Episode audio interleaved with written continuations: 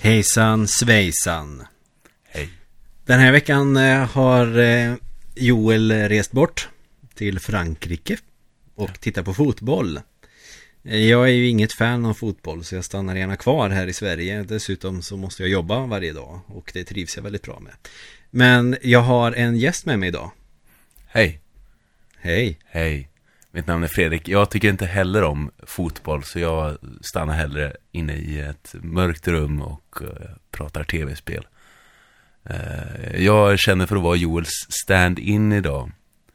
Okej, du vill se dig som en stand-in idag. Eh, eller en gäst, ja vad du nu vill kalla det helt enkelt. Men eh, jag har väl ett fokus av att ha spelat tv-spel från Japan ganska länge och eh, framförallt mycket PS2 och PS1-spel.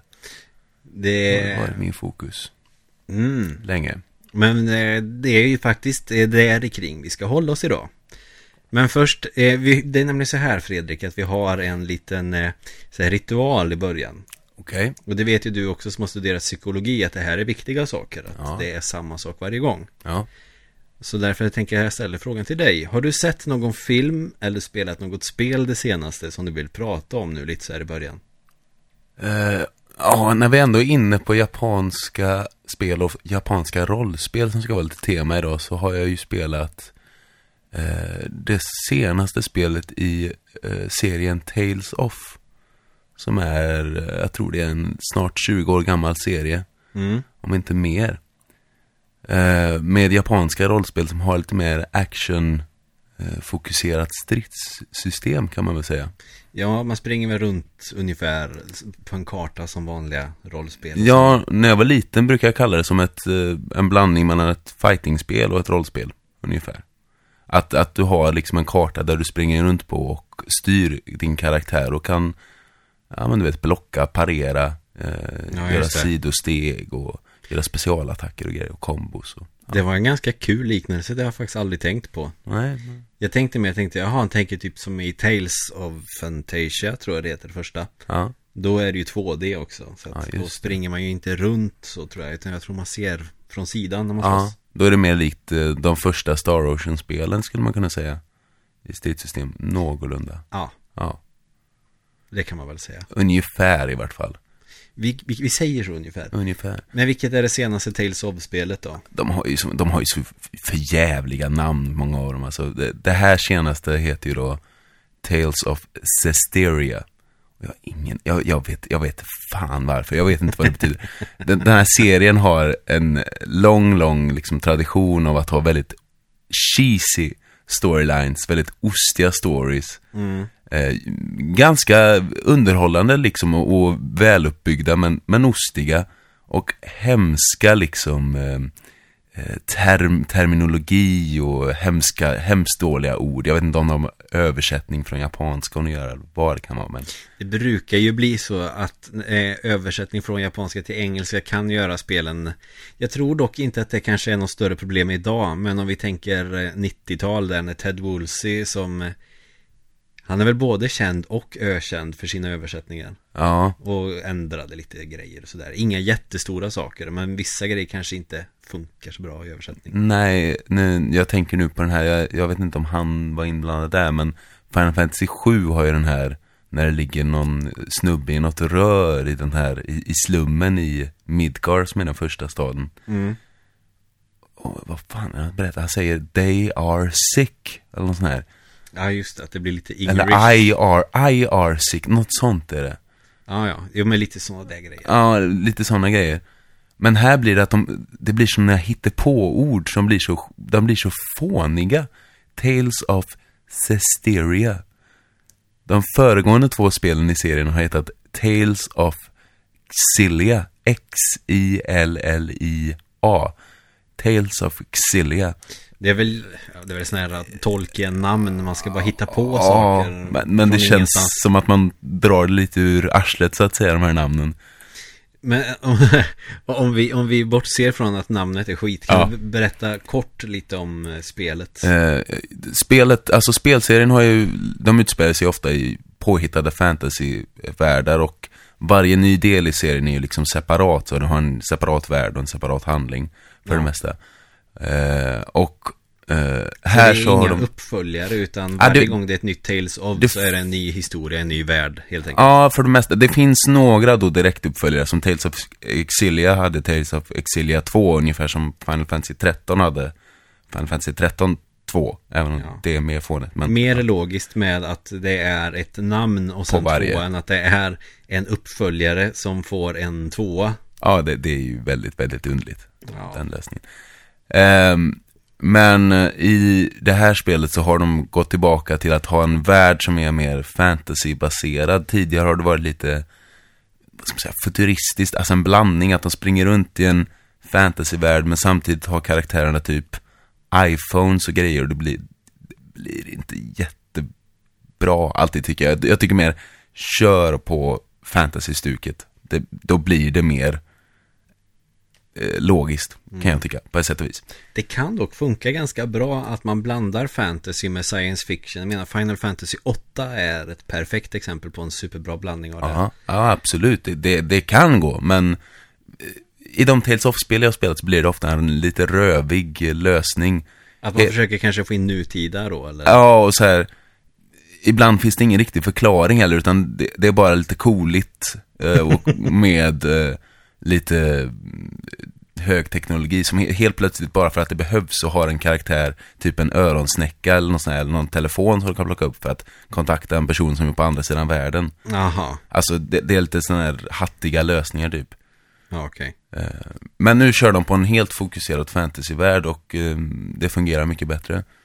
Eh, Tales of-spelen brukar ofta ha ett stort fokus på att liksom bygga upp karaktärerna mycket. Mm. Och det gör de med att ha eh, vad de kallar för skits, att man eh, när man springer ut i världen så po- poppar upp ett litet meddelande. Mhm. Så Tryck på select. Eh, och så kommer det upp med en skit och då får man se ett 2D-porträtt av karaktärerna då de står och pratar med varandra. Om i princip vad som helst. Jaha, så att det blir lite chit-chat. Det blir liksom lite chit-chat, ja men precis. Det är ju Eh, rätt intressant. det är väldigt intressant för då blir, då blir inte karaktärerna sådär ostiga stereotyper bara, utan de får lite mer av en personlighet och lite mer interaktion mellan varandra. Ja, okej. Och det är serien väldigt bra på. Eh, och det tycker jag genomgående i alla titlar de släppt, att de har oftast, liksom, kanske inte bra karaktärer så sett, men bra karaktärsinteraktion i alla fall. Mm. Eh, Det känns som personligheter mer eller mindre. Och sen är ju fighting-systemet är ju eh, väldigt, väldigt roligt. Det kan bli väldigt djupt om man sätter sig in i att bli Mm. duktig på det. Som ett, ett fighting-spel light kan man väl säga då. Mhm.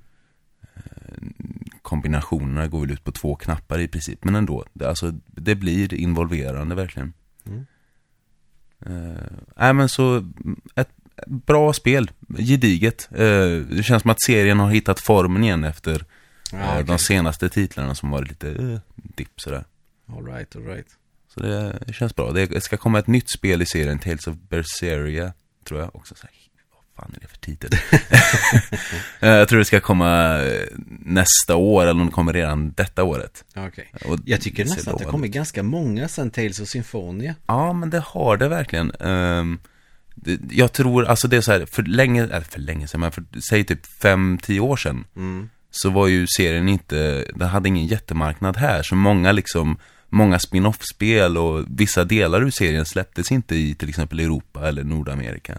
Just det, fan. För Tales of Fantasia var väl eh, Ja- Japan-exklusiv och sen var det ju eh, några till PS1 eller om det var ett eller två som Ja. bara släpptes i Japan och USA till exempel. Och som nu har kommit igen då som nyversioner för typ PSP och sådär då. Mm. Eh, men, och, och vissa har ju inte släppts, har släppts i Amerika men inte i Europa till exempel då.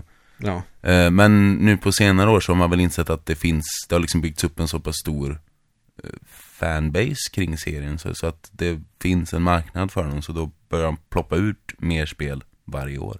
det låter lite grann som någonting jag har missat. Jag har Tales of Symphonia, jag har ägt det i flera år men jag har inte, eh, inte satt mig in i det. Det är ju enligt många då som tycker om serien, det är ett av de bästa, om inte det bästa Mm. i serien. Jag har kört något Tales of, eh, ja, det kan, det kan varit en eh, nysläppt version från PS1 till PSP som jag tyckte var jävligt bra men Ja. jag kör aldrig färdigt såklart. Tales of Destiny kanske, något sånt där. Ja, det är möjligt. Ja. Eh, Jag kommer ju inte, jag har inte heller koll på alla de jävla namnen. Sen har jag kört eh, Tales of the Abyss också. Det är också, till PS2. också ett väldigt, också klassat som ett av de bästa då. Eh, Man brukar säga att det bästa, de bästa spelen är väl Tales of Destiny 1 tror jag, det finns två stycken då till PS1. Mm. Jag tror att ettan klassas som väldigt bra, tvåan också. Tales of Symphonia, eh, Tales of the Abyss och sen Tales of Vesperia brukar också räknas bland de bästa. Kanon. Då har, vi, då har vi några tips där. Ja, det är några tips. Eh, Tales of Symphonia har eh, släppts nyligen som HD-remake på PS3 ifall man vill testa det. Mm. Tyvärr kommer det då med eh, uppföljaren till Tales of Symphonia som heter Tales of Symphonia Dawn of the New World. Och det spelar inte det, det är skit. Det är horribelt. Okej. Det är- så, här, det är så bajsnödigt så det finns inte. Alla gamla karaktärer från första spelet kommer tillbaka. Men det är två nya huvudkaraktärer som sätts in tillsammans med de gamla karaktärerna. Mhm. Men de gamla karaktärerna, de är liksom bara där för att vara de blir väldigt endimensionella, de utvecklas liksom inte mer, de har redan utvecklats Okej. och så kastas de bara in och ska vara comic relief för alla karaktärer från första spelet. Det, det är jättedåligt löst helt Fy enkelt. fan. Ja, det är horribelt dåligt. Och spelvärlden som var bra i första delen är liksom nu helt slopad för en sån här, som är populärt nu tycker jag tyvärr nog i många japanska roll- rollspel, att det är liksom en meny som är världskartan. Du väljer din nästa destination. Oh. Funkar i de spelen vi ska prata om ganska snart. Ja, det gör det ju förvisso. Eh, men inte i alla. Jag tycker det, det kan bli väldigt tråkigt i vissa spel som har en hel jordglob. Mm. En hel värld att utforska. Att det liksom dras ner till det där. Ja, visst. Vad hände med den gamla världskartan som man fick springa runt på när man var Det kommer jag ihåg att jag tyckte var så jävla tragiskt i Final Fantasy 10 när det kom. Ja, Det är ju, många tycker att det är ett av de absolut bästa och det förstår jag ju för de fl- de flesta tror jag började med sjuan japp. och tog sig till tian och det var det första till PS2. Det är superfint på alla sätt och vis rent grafiskt. Ja. Det är roliga fighter. Men jag tyckte att det var pisstråkigt att det inte fanns någon riktig världskarta. Och när du får Precis. skeppet så måste du knappa in liksom eh, Koordinater eller något Ja, sånt. exakt. Ja. Och så flyger man dit och så finns några hemliga koordinater. Alltså, nej. Nej, det bl- blir ingen bra lösning. nej, så jag tyckte fighterna var roliga, storyn var kass och eh, världen var jävligt intressant. Men jag hade gärna velat ha en öppen värld som, Ja, som det alltid har varit. många klagar ju på att det där är föråldrat, den där världskartan, när man blir en stor liksom Godzilla-figur som springer runt liksom från en stad, liten pyttestad till en stor, eller liten skog liksom. Mm. Men jag tycker att det finns en poäng med den världskartan i och med att du, man får se hela äventyret. Man tänker, när man är den här stora representationen av en karaktär, Ja. som egentligen ska vara mycket mindre på den här världskartan, så tänker man ju att när du tar dig från en stad till en grotta till exempel, så tar den här representationen, det tar tid. Det tar Mm. flera dagar, Ja. kanske. Eh, Man får, det, man får liksom en känsla av att världen hänger samman och att det, det finns en stor värld, världen är stor och den går att utforska. Eh, när det är som Final Fantasy eh, 10 eller oh, Final Fantasy 13. Hemska tanke, då man springer från en korridor eller skärm till nästa korridor. Mm. Världen blir liksom inte sammanhängande för mig, det blir bara att man springer igenom en massa olika kulisser. Ja, exakt. Och det är inte kul, jag vill det kunna var en bra utforska. förklaring. Ja.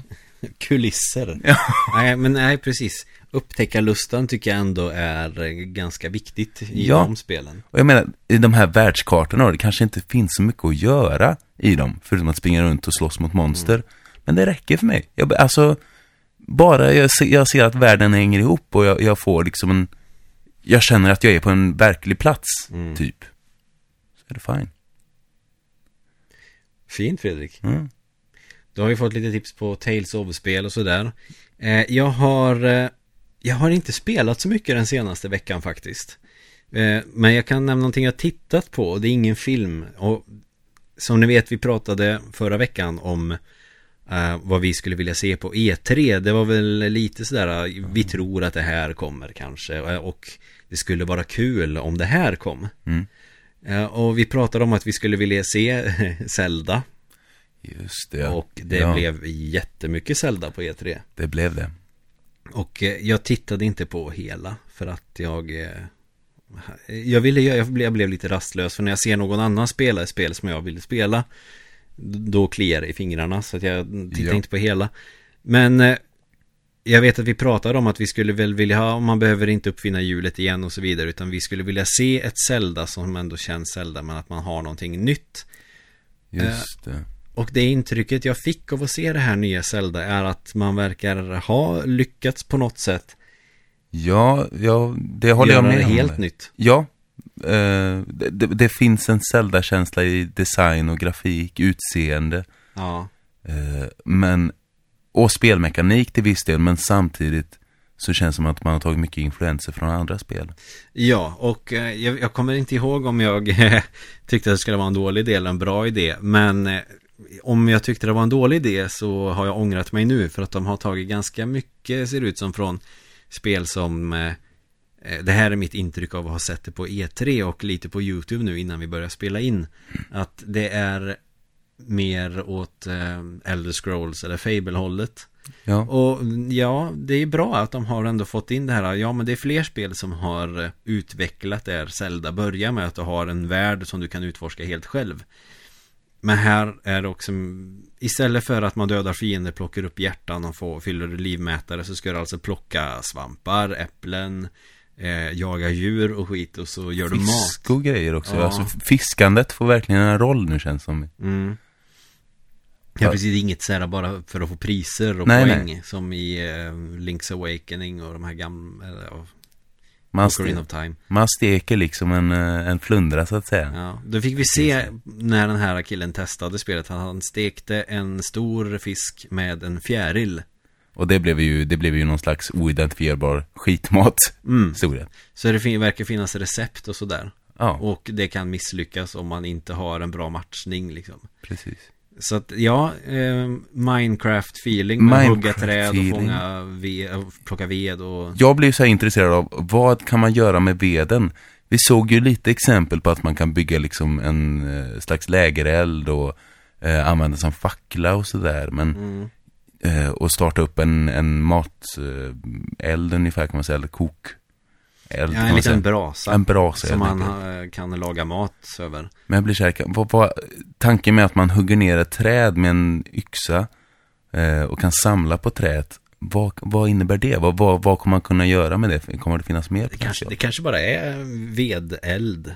Eller kan ju vara eldved så. kanske man ska säga. Ja, kan ju vara så, men, men tänk om ifall, ifall man, ifall de, det finns liksom så stora Minecraft-vibbar här som vi tror att man kanske kan bygga hus eller vad som helst med det.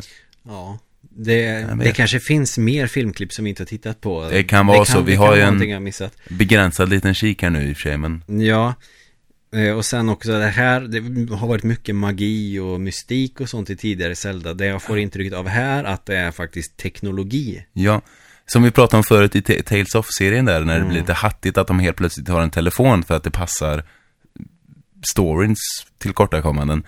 Här ser det ut som att Link har en iPhone eller någon slags motsvarighet i alla fall till Mm. Wii U's Gamepad, antar jag. Det är möjligt att det är så. Ja, och det ser ju ut att det finns en funktion med det. Mm. Eh, Den verkar ha ungefär samma funktion som, han har ju haft en 11 med sig eller någonting. eller ja, Den här eh, mystiska figuren med sig Twilight Princess och den här eh, Alien-grejen i Skyward Ja, Sword och precis. så vidare. ja. Så då har han en form av I- iPhone eller Så nu har han en iPhone som kommer säga åt honom när batteriet håller på att ta slut. Och han måste köpa en ny telefon för att kunna ha fullt batteri Ja, precis. Det är så Apple funkar Ja. Så ja, det har jag tittat på Sen, eh, vi hade Joel vet jag till exempel vi, Om vi går över till eh, P, Playstation till exempel. För Nintendo det var Zelda som var grejen. Kommer nytt Pokémon Monster Hunter och eh, Mario Party. Mm. Ja det är fine, det kommer säkert bli svinbra spel. Men vi har en podcast här också Mm. Och vi vill ändå hålla oss ungefär inom en timme och en kvart. Och pratar vi för mycket E3 nu så kommer det ta för lång tid. Ni kan googla. Ja. Men det som vi hade lite rätt Joel hade liksom hoppats Tänk om de visar eh, The Last Guardian Ja, just det. Och vi fick faktiskt se The Last Guardian och ett release-datum Det är ju väldigt spännande att, att det ens blir klart. Ja, för det har varit lite fram och tillbaka Kommer det, kommer det inte Jag kommer ihåg i P3 Spel så hade de eh, en spådam eller någonting. Ja. Och så var det en som frågade, kommer The Last Guardian att släppas? Och hon säger, ja, det kommer det göra. Ja. Hon hade rätt. Ja, Hoppas jag nu. För det har ju, det har ju verkligen varit så här. Det var väl liksom eh, folk som jobbade med spelet som fick sparken och skit, eller i alla fall lämnade teamet och det var så här, det var väldigt, väldigt svajigt där ifall det skulle bli en klar Ja. produkt överhuvudtaget. för det kom en screenshot på det och det skulle komma till PS3 för Shadow Ja. of the Colossus var ju en ganska stor eh, succé, var det inte det? Eller det blev i alla fall väldigt omtyckt. Ja, Det, det har ju verkligen lyfts upp väldigt mycket, väldigt omtyckt och eh, inte kultstatus riktigt. Det är ändå så pass populärt. Mm. Tillräckligt många känner ändå till det skulle jag vilja säga att det är Ja men det fick ju en HD-release och grejer liksom, så ja. Mm. Så sen vet jag för något år sedan så fick man se lite gameplay-trailer på The Last Guardian och sen Mm. var det också så här lite i ovisshet. Men nu vet vi i alla fall att det kommer ut den 25 oktober i år. Hur länge har det liksom varit i utveckling? Det är ganska länge. Det måste vara svinlänge. Jag, min, jag minns också när de första bilderna Fem kom år ut. kanske? Ja, men nästan, om inte mer, ändå. Okej, okej, sex, sju år kanske. Ja, kanske. Så eh, ganska lång väntan men som tur är så har det kommit ganska många andra bra spel på vägen. Ja. Det kommer nytt God of War också, så här, hmm, ja, nytt Call of Duty, ja, mm, visst. ja. Eh, så vet jag att eh, jag sa det till Joel att jag önskar att det skulle komma ett nytt Silent Hill. Mm, Eftersom de eh, sket i det. mm. Hideo Kojima som vi också nämnde som gjort med Metal Gear, han ska släppa ett spel nu. Vad hette det, kommer du ihåg? Nej, det har jag ingen aning om. Nej. Men det, det var ett på E E3. Ja, det, Ja. zombie-apokalyps var det första Något jag läste och då sånt, ja. tänkte jag, ah, det Mm. känns gjort. Och apropå då zombie-apokalyps och skräckspel så Resident Evil 7. Kommer jag. Ja.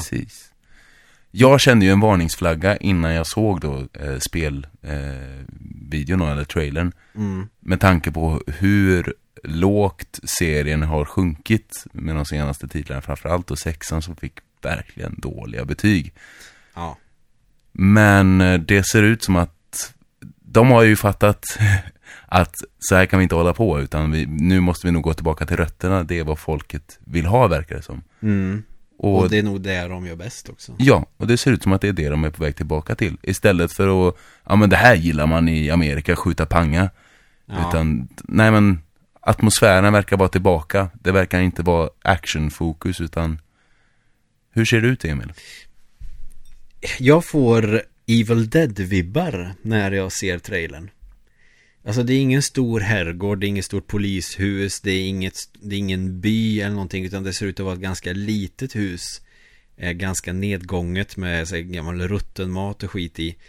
Eh, och sen får man se som eh, övervakningskamera på några människor som är fast där ungefär. Mm. Så eh, man får nog lite mer skräckfilmsvibbar där. Ser ut Eh, som ett, ett gammalt eh, övergivet eh, hus mitt ute på, vad ska man säga, prärien eller något i, Mm. i, på landsbygden i USA nästan. Ja, men lite så. Ja. Så, och sen, jag vet inte om det kommer bli så, men det ser ut att det kommer vara första person på det här. Ja. Det hoppas jag egentligen inte. Jag hoppas att man kan välja, kanske. Just för att det här Mm. kommer att ha, eh, vara kompatibelt med Playstation VR som kommer i höst. Ja, det, det är väl det då, att det är liksom virtual reality. Och sen så, jag tror att man har tittat lite på eh, skräckspel som har kommit de senaste åren. Mm. Framförallt sådana som har släppts på, typ, via Steam, på PC och sånt. Att det är ofta första person som många spel, skräckspel har Mm. släppts i. Så jag tror man har kikat lite där för att hitta tillbaka till sina rötter, Ja. skulle jag tro. Det är kul när japaner får mer influenser av eh, västvärlden.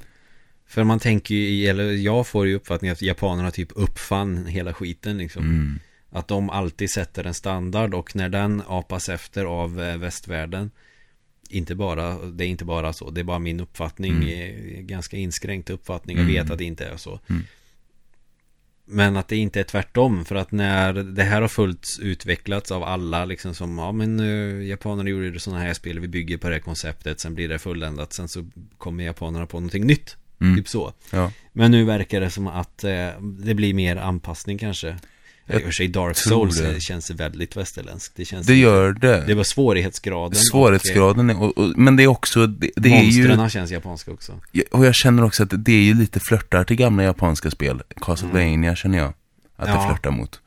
Eh, men eh, det som är är väl att marknaden har blivit så stor i väst så att de kan liksom inte, de kan inte ignorera den så mycket längre tror jag. Nej. Eh, om de vill expandera sina företag och så. Nintendo äger liksom inte tv-spelsindustrin längre och, in, och Sega eh, är ju inte med längre. Nej. Det är någonting vi har pratat mycket om. Ja. Men det är i alla fall det som jag finner har varit mest intressant på E3. Jag tänkte i alla fall eh, lite sådär eh, fick vi som vi ville känner jag.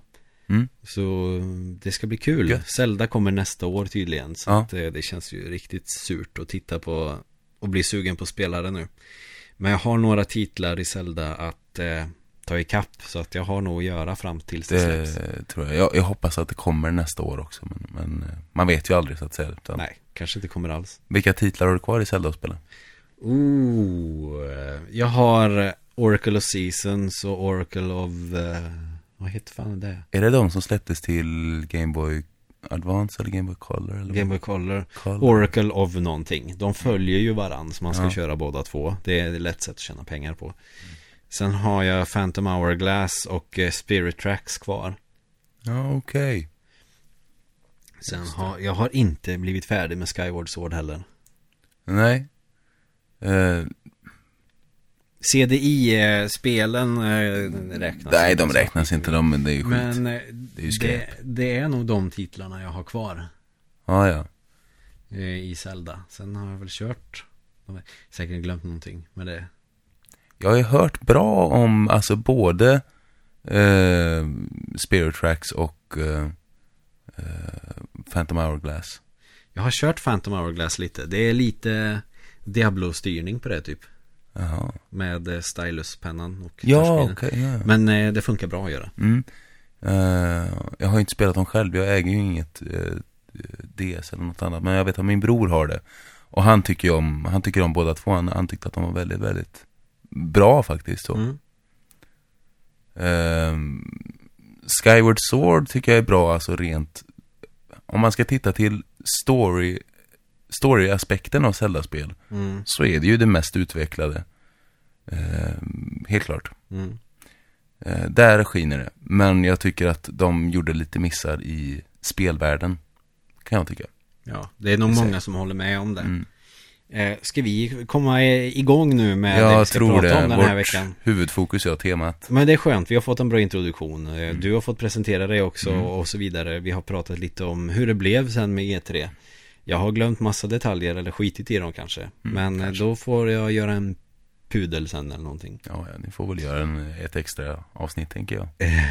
Men det vi ska prata om idag är, vad ska man säga, en blandning av visual novel, typ dating sim, fast inte bara dating utan eh, relationer överlag, alltså kompisrelationer Ja. också.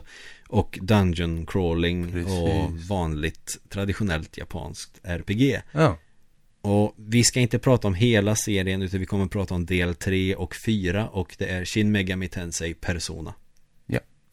precis. Och det har ju, både du och jag har ju spelat igenom de här spelen också. Ja.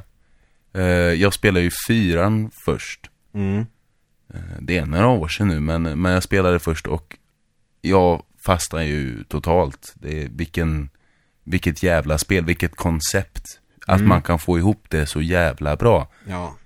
Eh, och så nyskapande verkligen för mig som hade suttit och spelat. Jag började bli trött på de japanska rollspelens formula och sådär. Men det här kändes nytt. Jag, jag kände exakt samma sak. Jag hade en sån eh, torka i några år. Att jag, jag spelade sån uteslutande japanska rollspel när jag var yngre. Men eh, sen kom det liksom ingen rolig. PS2 fick ju så jävla många och det känns som att det är ganska mycket skit också. Ja, det är mycket, mycket mediokert där alltså. Och eh, sen kom PS3 och eh, Xbox 360. Då känns det mer som att FPSen tog över hela spelmarknaden. De japanska rollspelen, där, där sjönk det ju botten. Det vilken skit som trycktes ut Ja. som väl kom ut. Så att jag har inte kört så, någonting så. Nej. Eh, Jag vet att jag skaffade Blue Dragon till eh, Xbox 360. Jättemysigt på alla sätt och vis. Men eh, intresset svalnade. Mm. För jag kände att jag orkar nog inte ta mig igenom eh, Vad är det? Fyra DVDer Ja, det var ju uppdelat så, ja, precis. Och det, var, det var väl mysigt, men samtidigt lite stelt kan jag tycka, Blue Dragon. Jag, jag, precis som du så orkar inte jag heller. Nej Jag tog mig till DVT2 och sen kände jag, nej, jag tröttnade på det här redan när jag hade PS1. Och missable achievements också som gör att man bara fan Ja, precis. Men eh, det kanske kommer en annan gång Men i alla fall Jag spelade Persona 3 först Ja, Trean är, skiljer sig från de två tidigare nämligen helt och hållet i och med det här eh, social link-systemet. Det är därför vi har begränsat det här till trean och fyran om någon undrar och inte ettan och tvåan för de det är samma grej rent fightmässigt och sådär men eh, sen eh, trean gjorde det här helt nytt på ett sätt. ja, Jag började faktiskt med PSP-versionen. Upptäckte det av en ren slump och körde det och fastnade totalt. Mm. Körde det på bussen till Örebro när Evelina bodde där. Åh gud, Och, den eh, perfekta situationen att spela det. Ja, jag visste och fredagsmyset blev att jag inte kunde slita mig från min PSP. Nej. Medan Evelina kollade på eh, På spåret. Ja, Men det är så fredagsmys är. Jag klarar inte av att se på tv. Så... Men det är trevligt. ja, ja, ja, ni sitter i samma rum antar jag. Ja, ja, ja, ja. Och mm, har det trevligt. Ja. Så jag kunde verkligen inte sluta spela det. Eh, men eh, det kändes tråkigt att spela på PSP och upptäckte att det fanns till PS2 också. Ja, det kan jag väl förstå. Men PSP-versionen har ju vissa funktioner då som PS2-versionen saknar. Ja, med tanke på att UMD, alltså den lilla skivan som det är, eh, har ju inte riktigt lika mycket utrymme som en DVD har. Mm. Så att det finns inte riktigt lika mycket på den. Den Mm. är ungefär, ungefär som FES-versionen av trean. Mm. Eh, Men eh, du springer inte runt i skolkorridorer och sådär och styr en karaktär utan det är en meny där du har en mäta, liksom en Jaha, och så väljer du figurer som står där. okej. Får Jag, klicka redan, jag kände redan nu att jag blev besviken. Ja, men lite så, så därför när jag körde PS2-versionen tänkte jag oj då, det går ju inte att mäta riktigt. ja, Men PSP-versionen är helt okej liksom, för att alla visual novel och dating sim grejer är kvar där Ja. på samma sätt. Det är inga filmsekvenser, att det är ingen anime utan det är bara Okej. bilder. okej. Ja, ja. St- Alltså, det som ja, liksom får en att vara kvar och vilja spela mer är ju trots allt då social links, vilket innebär att man eh, umgås med sina klasskamrater Mm. i spelet och eh, bygger relation med dem och storyn. Mm. Skulle jag vilja säga så sett. Mm. Men Vi det kanske har ska- en viktig del lite grann i storyn. Ja, jag tänkte vi kanske ska förklara hur många delar det finns, för det finns ju många olika versioner. Alltså tänkte jag av både trean och fyran. Trean har ju först kom Persona 3, sen kom Persona 3 FES. Man kan säga att det är två spel i ett, det kom en expansion alltså. Ja, Som de släppte Men sen så gjorde de att de släppte spelet med expansionen Det Precis. betyder när du har klarat spelet så finns det ett, ett litet spel till som en snabb uppföljare ja, mm, Sen eh, kom det en version till PSP Så jag tror det är tre versioner det är tre versioner. Och, och fyran har ju också ett par va? eh, Så vitt jag vet kom bara fyran som vanligt till PS2 Och sen så kom eh, Persona 4 Golden till PS Vita Precis. Som är lite mer, eh, vad ska man säga, utökad version kan man väl säga. Med Ja. lite mer scener och sådär. Lite mer story-scener, lite mer social links och Ja, så. Sen finns det ju då spin-offs på fyran. Ja det, fin- ja, det finns en Det gör jag gör det och sen Men det är väl lite trean och fyran ihop Ja, precis. Med Persona Shosan Arena Ja. Ett Eh, fightingspel med de ja. karaktärerna Precis. Sen har det släppts ytterligare en spin-off-serie som, eh, jag minns inte vad den heter, men då karaktären är som små, små, små sådana här chibi-figurer. mm, Du tänker på Persona Q Ja, så heter det ja. Det kom till Nintendo 3DS. Det har jag Just testat det. faktiskt. Ja, du har det. Eh, inga social links tror jag på det. Nej, Så därför så la jag ner ganska kvickt. precis. Samma med arena, det var liksom, och storyn var ingen vidare där heller tyckte jag. Så, så jag, jag, jag gillar social links-grejen för att Ja. det ger ett djup i spelen Precis. som eh, för, för hela settingen i båda är att man går på gymnasiet typ. Ja. Eh, och i trean bor du på ett internat och man bor med några där liksom för att man har en speciell förmåga att klockan eh, 12 varje natt så stannar tiden en timme. Ja, precis. Det läggs till liksom en extra timme. Ja, men bara för dem som eh, är kapabla till det här. Mm. Och det är då det här eh, stora tornet växer från skolbyggnaden eller vad det är. Ja, hela skolbyggnaden liksom struktureras om som ett Ja. stort torn. Och Och då kommer vi till, eh, vad är det det heter? Tartarus eller. Tartarus heter tornet, ja. Och då kommer en dungeon crawling aspekt i det. Och det är där då RPG-delen kommer fram. Man springer i korridorer med labyrinter. Fast det är kul. Det är väl inte alltid det är. Fantasy Star är inte så jättekul med labyrinter. Nej, inte direkt. Det är ju fighting-systemet här som gör att det blir kul för att fighting-systemet är ett traditionellt eh, turbaserat stridssystem.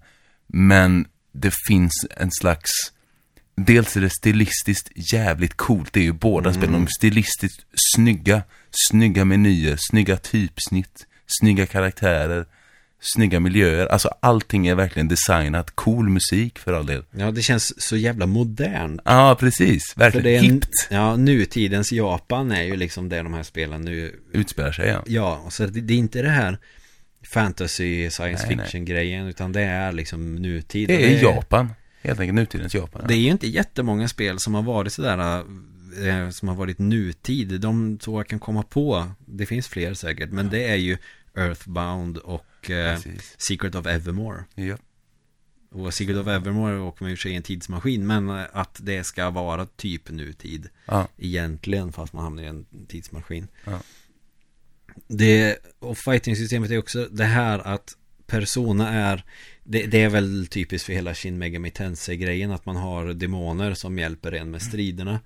I de här så är det ju karaktärerna har vapen och slåss. Mm. Eh, lite Pokémon-aktigt. Att du kan ha olika personer med olika, om de är eld, vind, eh, mörker, ljus. De här klassiska rollspelselementen. Men huvudkaraktären kan byta persona och eh, kan kombinera två för att göra en ny, alltså jätteinvecklat och svinroligt system, konstigt nog. precis.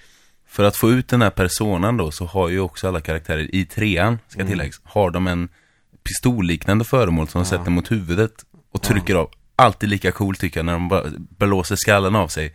Fast det gör de inte, men så kommer personan ut och så kan de göra magiattacker och grejer. Ja, så persona står för specialattackerna och dessutom när din persona får högre level då får karaktären också det. Karaktären har en egen levelsystem men personan har också ett. Ett eget, ja. Eh, och om du har en persona som är svag mot eld men stark mot, eh, säger vi, eh, gräs. Mm. Då är din karaktär svag och stark mot dem. Precis. Så, om, så precis som i Pokémon möter du en eld eh, ett eldmonster och då har en persona som är svag mot eld då kan du byta persona till en som tål eld Mm. och som spöar eld. Det, och som du säger, det roligaste i spelen, eller nej, inte det roligaste, men en väldigt rolig del av spelet, det finns mycket som är liksom fantastiskt med dem. Men det är ju att samla på personer, att skapa nya personer, att liksom Mm. sätta ihop två personer och få fram någonting nytt, se vad man får. Och det finns flera hundra och alla är ju baserade på mytologi från Mm. olika. Det är grekisk mytologi, det är nordisk mytologi och det är japansk Ja, mytologi. ja visst. Ehm, kommer också från religion, från eh, judo-kristna Och buddhism religioner. och, ja precis. Ja, så eh, finns det ganska stort karaktärsgalleri även hos personerna. Mm. Och det gäller trean och fyran. Vi får prata i generella termer för trean och fyran är jättelika varann. När det kommer till fighting-system och så. Ja. Ja, verkligen. Så det är egentligen inget jättenytt i Upplägg. fyran förutom att de har polerat det ganska mycket Precis. och det är en helt ny storysetting och nya karaktärer. Ja. Och de har alltså inte försökt att fixa det som inte är trasigt. Don't, don't fix what ain't broken liksom. Eh, men eh, man ska väl tilläggas då att de här personerna som man har i strid, eh, ens egen huvudkaraktären som man styr, det är ju ofta en, en silent protagonist, alltså en tyst protagonist som Ja. inte säger någonting. Klassiker. Eh, man får göra lite konversationsval så åt honom. Mm. Eh, den personen i både trean och fyran, det är olika personer, men, men den personen man styr har förmågan i båda spelen att kombinera personas. Och det är så man gör starkare personas oftast. Eh, Och ens medhjälpare, de har bara en. Så de har en som behöver man inte krångla med liksom. Nej, den blir, medhjälparnas personas blir ju starkare och utvecklas och blir starkare när man bygger sina social links. Ja. Och där har vi det som jag egentligen då tycker är roligast i spelen, att bygga social links. ja, det är någonting speciellt. Eh, För hela upplägget är också att man har tid på sig. Att ett visst datum så kommer världen gå under. Så därför måste du utforska de här, både i Per- Persona 3 och 4, att du måste utforska de här labyrinterna och samtidigt hinna med att umgås. Man får prioritera hur man ska lägga sin tid på dem. Precis. Så man kan till exempel inte få 100% på alla social links på en genomspelning utan Nej. måste köra om det flera gånger. Så då måste man också prioritera vilka mm, vill jag vara kompis med eller vem vill jag bli tillsammans med. Mm. Eh, Och eh, när ska jag träna? För det är väl det är ganska mycket level grinding också. Det blir, man får lägga ganska mycket tid i det här Tartarus då, där alla grottorna finns. Eller i tvn då som det är i Persona 4. Ja, precis. Så en, men en typisk dag i, alltså Persona-spelet går ju går ut på att du, du följer den här, din pro, protagonist genom veckor liksom. Eh, eller genom ett år, ett skolår. Ja, Så du följer honom varje dag och en typisk dag är att du går till skolan, du kanske får svara på uppgifter i skolan från läraren. Eh, man får göra prov. Eh, man får göra lite skolaktiviteter, så här, spela basket eller fotboll eller musik. Och det här är så jävla fascinerande att eh, det är som två parallella spel i varandra. Det är det jag tycker är en sån härlig känsla att det finns så mycket innehåll och det är kvalitet. Precis. Att eh, dels så har eh, ditt socialliv att gå i skolan. Du måste träna upp förmågor som eh, eh, att kunna Styrka, liksom springa. Ja, det, det är också och att vara en god retoriker Ja, eller om du ska vara precis. musikalisk eller om du ska vara duktig på att studera. Sådana saker också, ja. Ja, för vissa karaktärer vill bara umgås med dig om du har nått en viss nivå Precis. på de här förmågorna. Precis. Och de hjälper dig också lite i strid, alltså sitter du och, och alltså vissa av dem, sitter du och studerar mycket i biblioteket så höjs intelligensen liksom som dessutom ökar vissa förmågor i strid dessutom. Så allting hänger ihop och knyts samman på ett jävligt snyggt sätt. Vilket gör att det här spelet är så satans intressant Ja, det, hela så, tiden. det är så himla lös, snyggt löst liksom, det finns alltid något nytt att göra. På dagen går du i skolan, eh, eftermiddagen hänger man med sina polare i stan eller på skolan. Mm. Sen på kvällen eller natten så eh, går man till eh, grottorna helt enkelt och kör dungeon crawling biten. Mm. Och det här fighting-systemet, dels så kan du byta person ungefär som man byter Pokémon. Mm. Pokémon är ganska bra referens i det här tycker jag. Eh, och dina medhjälpare, du kan antingen liksom göra så att de klarar sig själva. Du ställer in, okej du ska satsa på att skydda, du ska satsa på healing, du ska satsa på att attackera. Mm. Du kan också styra dem själv om du vill.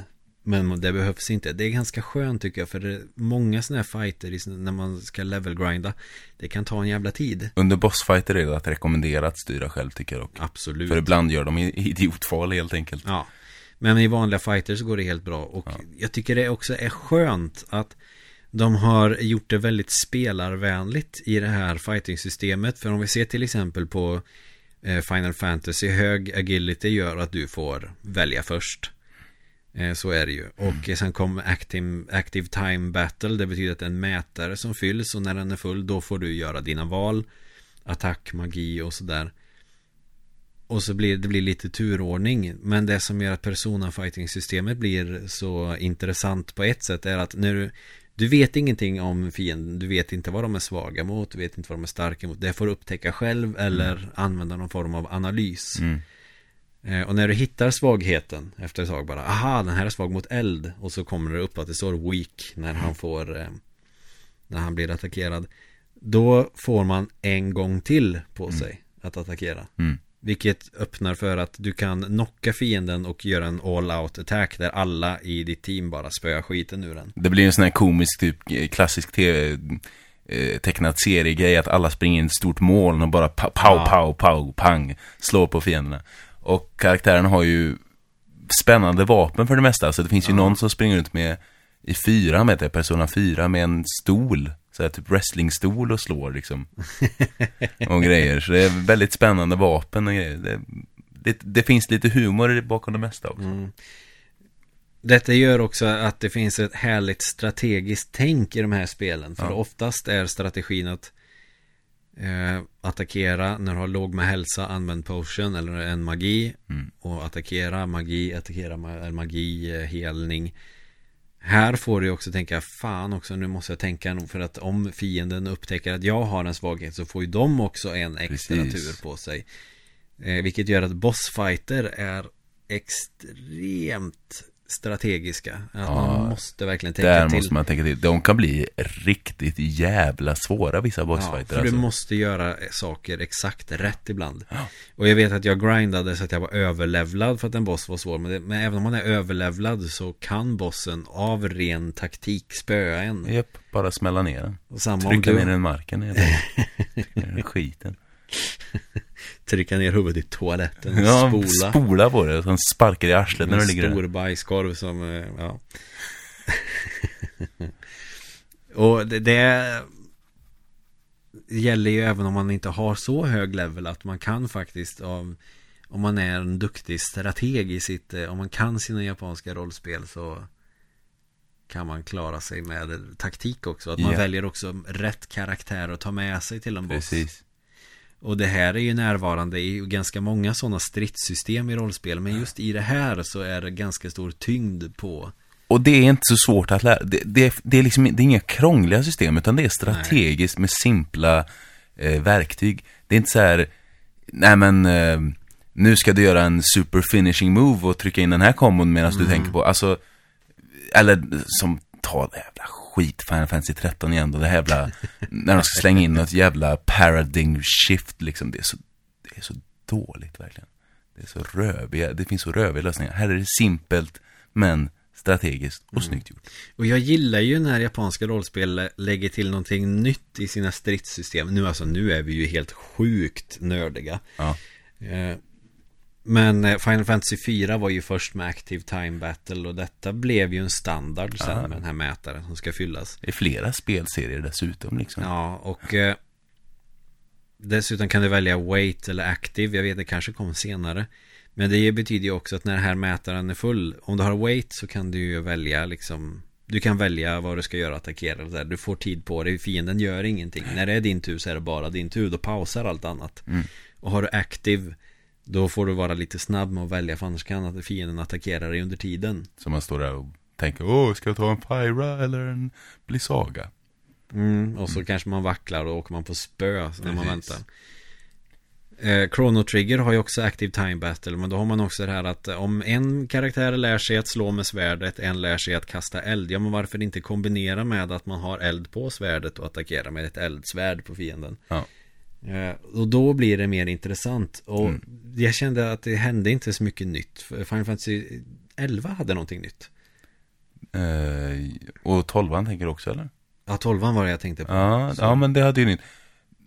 Krångligt dock. Eh, säkert kul om man ger sig tid i det, men det blir liksom för krångligt och tar så pass mycket tid. Ja, vi kan inte göra ett action-RPG men vi kan göra någonting som nästan är det. Ja, precis. Och så blandar vi in lite Vagrant Story Ja. i fight-systemet. Om man ska vara helt ärlig, tolvan slutar ju med att jag tröttnar ju på det här fighting-systemet, letar upp en guide på nätet, hur sätter man upp den bästa strategin? Ja, För där okej. går ju liksom strategin som man sätter in automatiskt. Ja. Så Och att- då betyder det ju också att man måste sätta sig in i skiten. Ja, visst, vet du, alltså bara det kräver ju energi och då blir det så, det blir en sån jävla uppgift bara, jag tycker inte att det är kul. Nej, och Persona 3 och 4 har ett ganska avancerat då, system för fighting men det är skitlätt att lära sig. Ja, precis. Det som är- kan vara- det tar inte så lång tid att förstå. Nej. Och det kändes jättebra, plus att vissa fighter kan gå jävligt snabbt om du bara Ja. gör rätt. Men vissa bossfighter kan ta lång tid också. Och det Mm. uppskattar jag att det, det, det är kvar. Mm. En bossfight tar tid. Det tycker jag att det ska göra ibland. För att det känns jävligt tillfredsställande när man eh, har kommit Spöar den vidare. där jäveln, ja precis. Och upptäckarlustan också, att ju längre du kommer desto svårare fienden, desto mer grejer kan du hitta. Det är mycket loot och sådana här grejer Mm. som också är trevligt. Eh, och Sen märker man också att när man har kört efter ett tag så kanske en av din medhjälpare säger Nej nu är jag trött, Mm. nu orkar jag inte Mm. Och då måste man ta sig ur och så får man vila kanske Har man en vilodag nästa vardag Mm. Och kanske bara hänger med polarna på kvällen istället Precis. för att utforska vid den här labyrinten Så man kan lägga upp hur man vill göra exakt hur Mm. man vill Precis. Alltså den här labyrinten, eh, man har ju, vad är det, det är en månad på sig va, att nå en viss eh, våning. Ja just Det är en labyrinten har väl 220 våningar eller något sånt där, så det är Mm. ganska många våningar som man ska ta sig igenom. Ja, Eh, och under en månads tid så har du, det har du på dig att nå upp ungefär kanske, det börjar väl med 10 våningar, sen blir det Ja. mer och mer 30, 50, till slut Ja, är det liksom precis. att man ska nå upp 60 till 100 våningar ja, på en månad. Eh, så det är många våningar man måste ta sig igenom på en månad.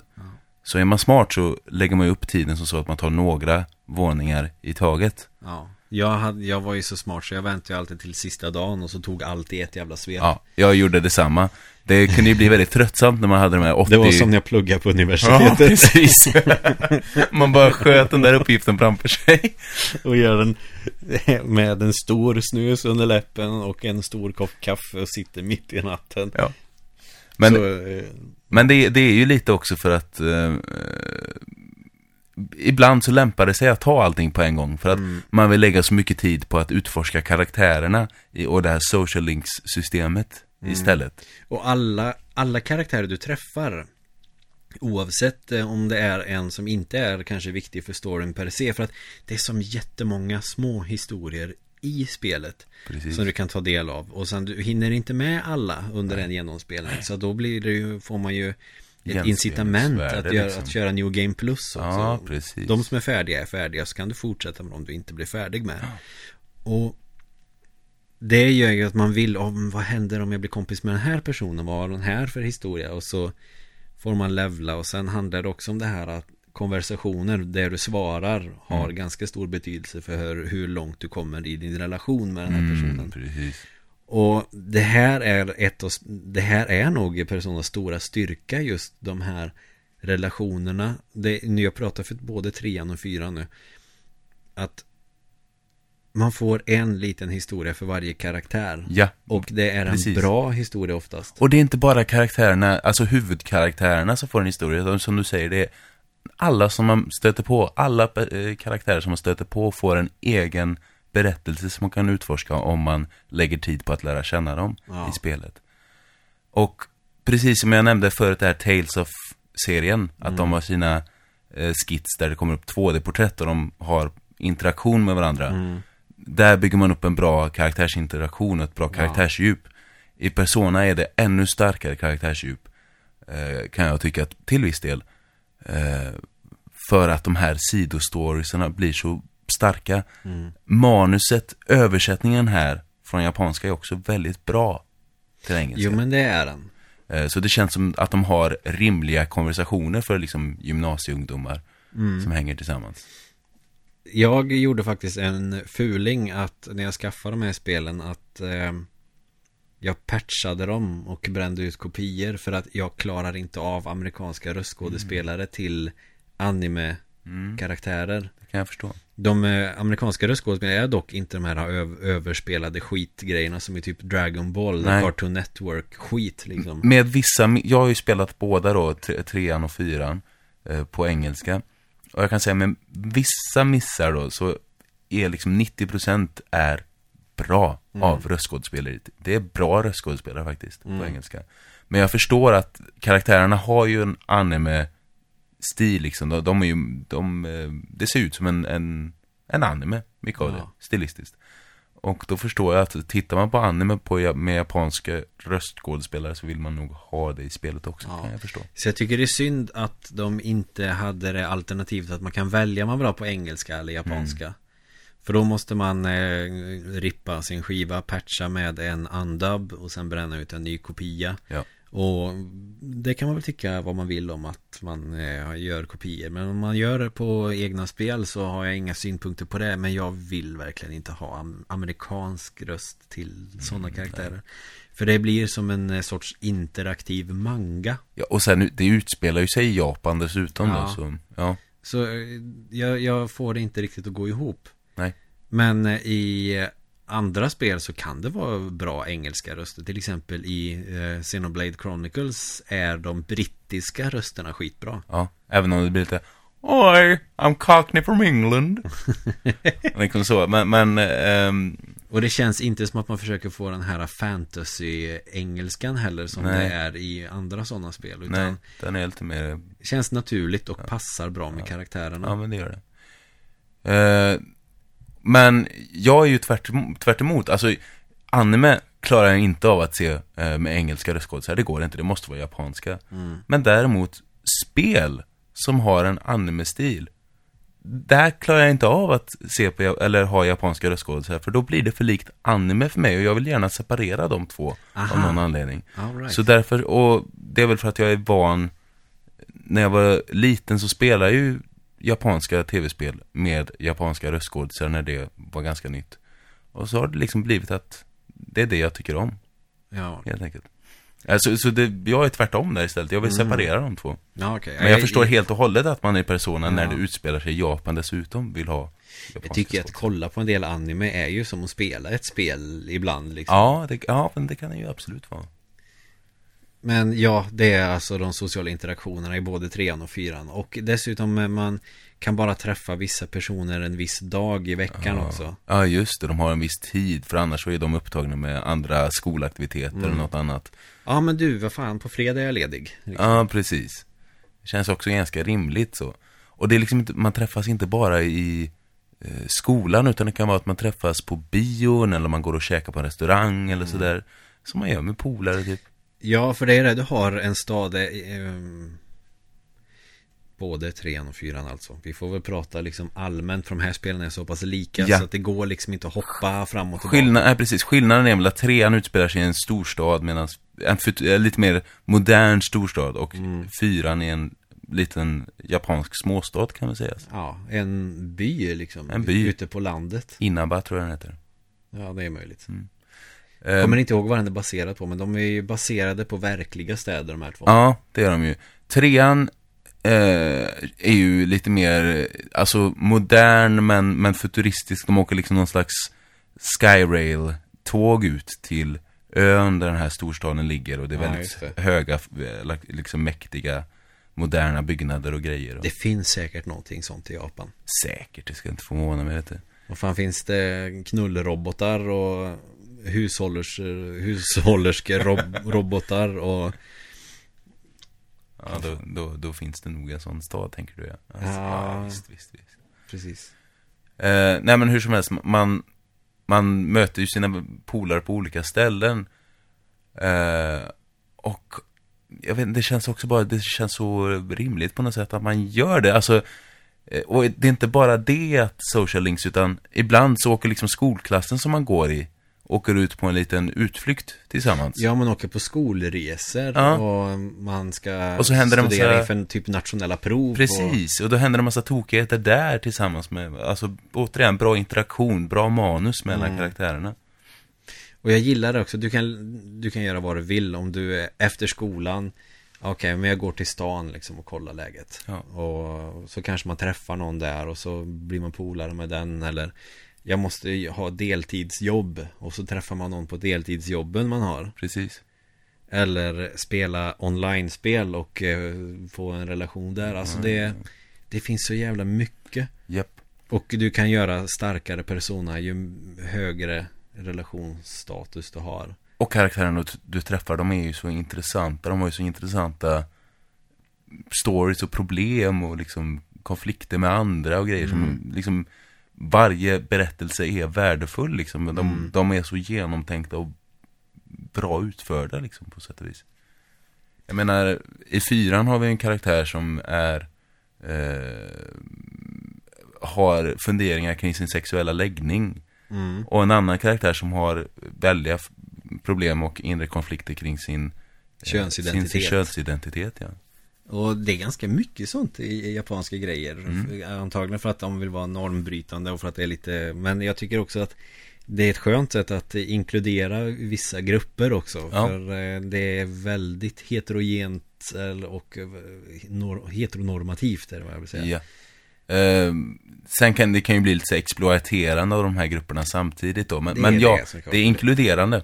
Till skillnad från, eh, säg, västerländsk media där det är snarare exkluderande för det mesta. Och både manliga och kvinnliga karaktärer om man ska säga så eh, Är starka och väldigt eh, har ganska stor del i storyn Och det är inte också det här att tjejerna får vara med och de är starka så länge de har stora tuttar och visar mycket Och inte- underkläder Utan det är inget sånt Nej, precis. Och in, inte det heller att tjejerna är med som healers i partyt riktigt heller. Nej, eller bara för att eh, de blir kära i huvudkaraktären som Nej. är man. Man kan vara tjej i PSP-versionen av trean. Precis. Det ska väl tilläggas dock att ju mer du bygger din social link med karaktärerna så kan de ju bli antingen väldigt bra vänner eller kära och implicita sexscener. Ja. Ska väl tilläggas. Men, men de har ändå tonat ner på det här Väldigt. supersexistiska Ja. som eh, Det är inte Annars- alls eh, som andra japanska spel som, vad heter de, Hyperdimension Neptunia-serien som bara är liksom ja, gräslig fanfiction över under, alltså minderåriga tjejer. Det, den biten av japansk kultur är som tur är inte alls Det finns ju med. det här fighting-spelet Senran Kagura också Det är Ja. ninja-tjejer och det går ut Alltså konceptet är tuttar Ja, slå av kläderna från tjejer när de visar tuttar. Ja, och det Men det, det är också en frisk fläkt att spela ett japanskt spel där det inte är Det känns eh, mer, det känns mer moget, vuxet, alltså Ja. verkligen. Så att eh, kvinnliga att tar- karaktärer får vara karaktärer Det är Ja. så man känner de färgrika karaktärer Precis. Inte att de har stora tuttar och visar trosorna som Nej. det ofta är Nej, det, kän, det känns som att det tar sig självt och sin Ja. publik på allvar verkligen. Sen kan man ju hitta då hemliga dräkter till dem som är någon form av raffset eller Ja, okej. Och det, ja Men, eh, Men, men det, i stort sett är det nedtonat. ja ska väl tilläggas. Det finns också, de här personas då som vi pratade om förut, som är liksom olika monster. De är ju baserade på olika eh, monster och, och gudar ur Ja. japansk kultur, eller mytologi, grekisk och eh, Nordisk. nordisk mytologi och så vidare. Det finns ett monster, en eh, persona då som man kallar det, som, som en Pokémon. En persona som har varit med i flera spel, som är ett stort kukmonster. Alltså det är en mängd kukar som liksom virvlar sig om varandra. Men där har vi ju säkert indisk, eh, det är mycket Ja, kukar i ja. Det, ja men det tror jag nog. Eh, för det, det, det har de ju också med buddhistisk eh, mytologi kan man säga då. Och hinduistisk Eh, hinduistisk rättare sagt. Nej, Man kan ju sitta och prata i flera evigheter. Det som skiljer trean och fyran mest då Förutom karaktärerna och eh, Storysettingen Det är ju det här också när man utforskar med labyrinterna. I fyran är det ju så att Du har till ett visst datum på dig Att eh, ta dig till en plats. Det är olika områden då. Ja, Ett område som ska symbolisera den karaktären som är kidnappad? Precis. För de kidnappar, det är, ingen vet, det är ett mysterium Man kommer in till den här dimensionen genom att klättra in i en tv Mm. Det är alltså någon, någon som kidnappar människor. Eh, och innan de här människorna kidnappas så syns de på en tv-kanal som visas vid midnatt. The Och det är så Channel. jävla otäckt Ja, det är så otäck musik då. Eh, när huvudkaraktären sitter i sitt eh, liksom rum eh, hemma hos sin farbror som han bor hos. Eh, och sätter på The Midnight Channel och den här pianoslingan kommer in. Då, då får jag rysningar. Och det är också, det är ju så lökigt egentligen bara Kolla klockan 12 så kommer tvn slå på sig av sig själv Ja. och, Men det blir skitläskigt Det och så blir det. en gul dimma som ligger över staden och så får man se i den här tvn sätter på sig själv Den behöver ingen strömförsörjning eller Jag någonting bara knappar på. Och sen får man se en karaktär som går och skrattar eller säger någonting jävligt kryptiskt Ja, Och så måste man försöka lista ut vem är det här och Ja. när kommer det här hända? precis. Och sen då så, de- den personen som syns på Midnight Channel eh, kommer då att hamna i tv-världen. Kommer, ja, kommer bli kidnappad, Kidnappad. om eh, en dag eller sådär TV-världen är alltså, det är att man hoppar in genom en TV och hamnar i en annan dimension kan man Ja. säga. Eh, och de personerna som hamnar i den här dimensionen eh, måste möta sitt in, inre jag kan man väl säga och liksom Det är löket Ja, det är väldigt lökigt, men det är snyggt gjort samtidigt tycker Ja, jag. Att de måste möta sitt inre jag och liksom komma överens med vem de är på något sätt. Eh, det, Överjaget möter detet precis så faktiskt, precis så. Och däremellan har vi väl persona, är det inte som så? mm. Eh, om man ska ha psykologiska termer, men Eh, och när de gör, om de gör det, då, kom, då lyckas de ta sig ut ur tv-världen igen. Men om de inte gör det, då dör de där inne. Ja. Och det är också, det är ju sån mordhistoria att man får se en dag innan personen dör så kommer den att synas på tv som en galning. Personen själv kanske ser sig själv i tvn. Mm. Så man vet inte om det händer eller inte händer. Precis. Det är också lite creepy det här. Det här, alltså det låter ju som en creepypasta liksom som Ja. kunde vara med i No Sleep eller Ja, ja, Creepypodden om eh, Midnight Channel. Eh, Och då är det spännande om någon säger bara jag såg mig själv på tv igår, vad kommer att hända? Och sen är den personen försvunnen. Mm. Och sen hittas den nästa dag, eh, alltså ut ur tv-världen igen, som bara ett massakrerat lik liksom. Ja. Helt ihoptryckt på en jävla tv-antenn och grejer. Och ja, så på det sättet så har fyran en mer intressant story för att man blir eh, jävligt skraj av det här. Och det är inte det här lökiga som det är många JRPG, att man ska rädda världen Nej. mot någon ond eh, antagonist liksom, utan det är, det är ett mordmysterium mer eller mindre, Mm. som är lite, lite konstigt, men, men intressant samtidigt. Ja, och istället för att eh, springa i ett torn och komma upp till en våning så att du kommer till olika områden bara och när det är färdigt så låser man typ upp ett nytt område där nästa person som blivit kidnappad är. Precis, och de här områdena är, är ju då som du sa förut Emil, att de, är, de kopplas till den här personens inre konflikt som har blivit inslängd i tvn. Eh, så han som jag nämnde förut, en av karaktärerna har ju lite funderingar kring sin sexuella läggning. Mm. Hans plats är eh, en stor eh, ångande bastu. Ja, Eh, och monstren som möter är väldigt homoerotiska, ka- ska väl eh, sägas helt Ja. enkelt. lite så, och då får vi också det här lite exploateringen ändå Ja. med bastuklubb-grejen Precis, liksom. precis. Så det, det är lite att det gränsar mellan att vara ganska politiskt inkorrekt samtidigt som man känner att ja men fan sånt här borde man se mer av i spel. Ja, ja, det är en blandning av det på något sätt. Eh, kunde göras snyggare, men, men det görs ändå och ja. Pluspoäng för inklusionen, minus för utförandet på något sätt, Ja. kan jag tycka. Så det här var ett ganska långt samtal om personer. Vi har hoppat fram och tillbaka till trean och fyran. Det är trevligt. Det är så det här upplägget i den här podden är. Mm. Eh, Det som vi har missat att prata om, men som vi egentligen inte behöver säga så mycket, det är ju The Velvet Room. Just det. Som är en sorts icke-dimension. Där... I huvudkaraktärens huvud, Ja, precis. I sinnet, i själen där Ja. någonstans. För huvudkaraktären är en enda som kan komma hit. Mm. Och där finns det då en man och hans eh, medhjälpare. Det kan vara en kvinna eller en man. Beroende på om protagonisten är man eller kvinna. Mm. Nu pratar jag väldigt mycket om eh, typiska genus här nu. Jag får Mhm. ändå, det är så det är tänkt i spelet därför andra.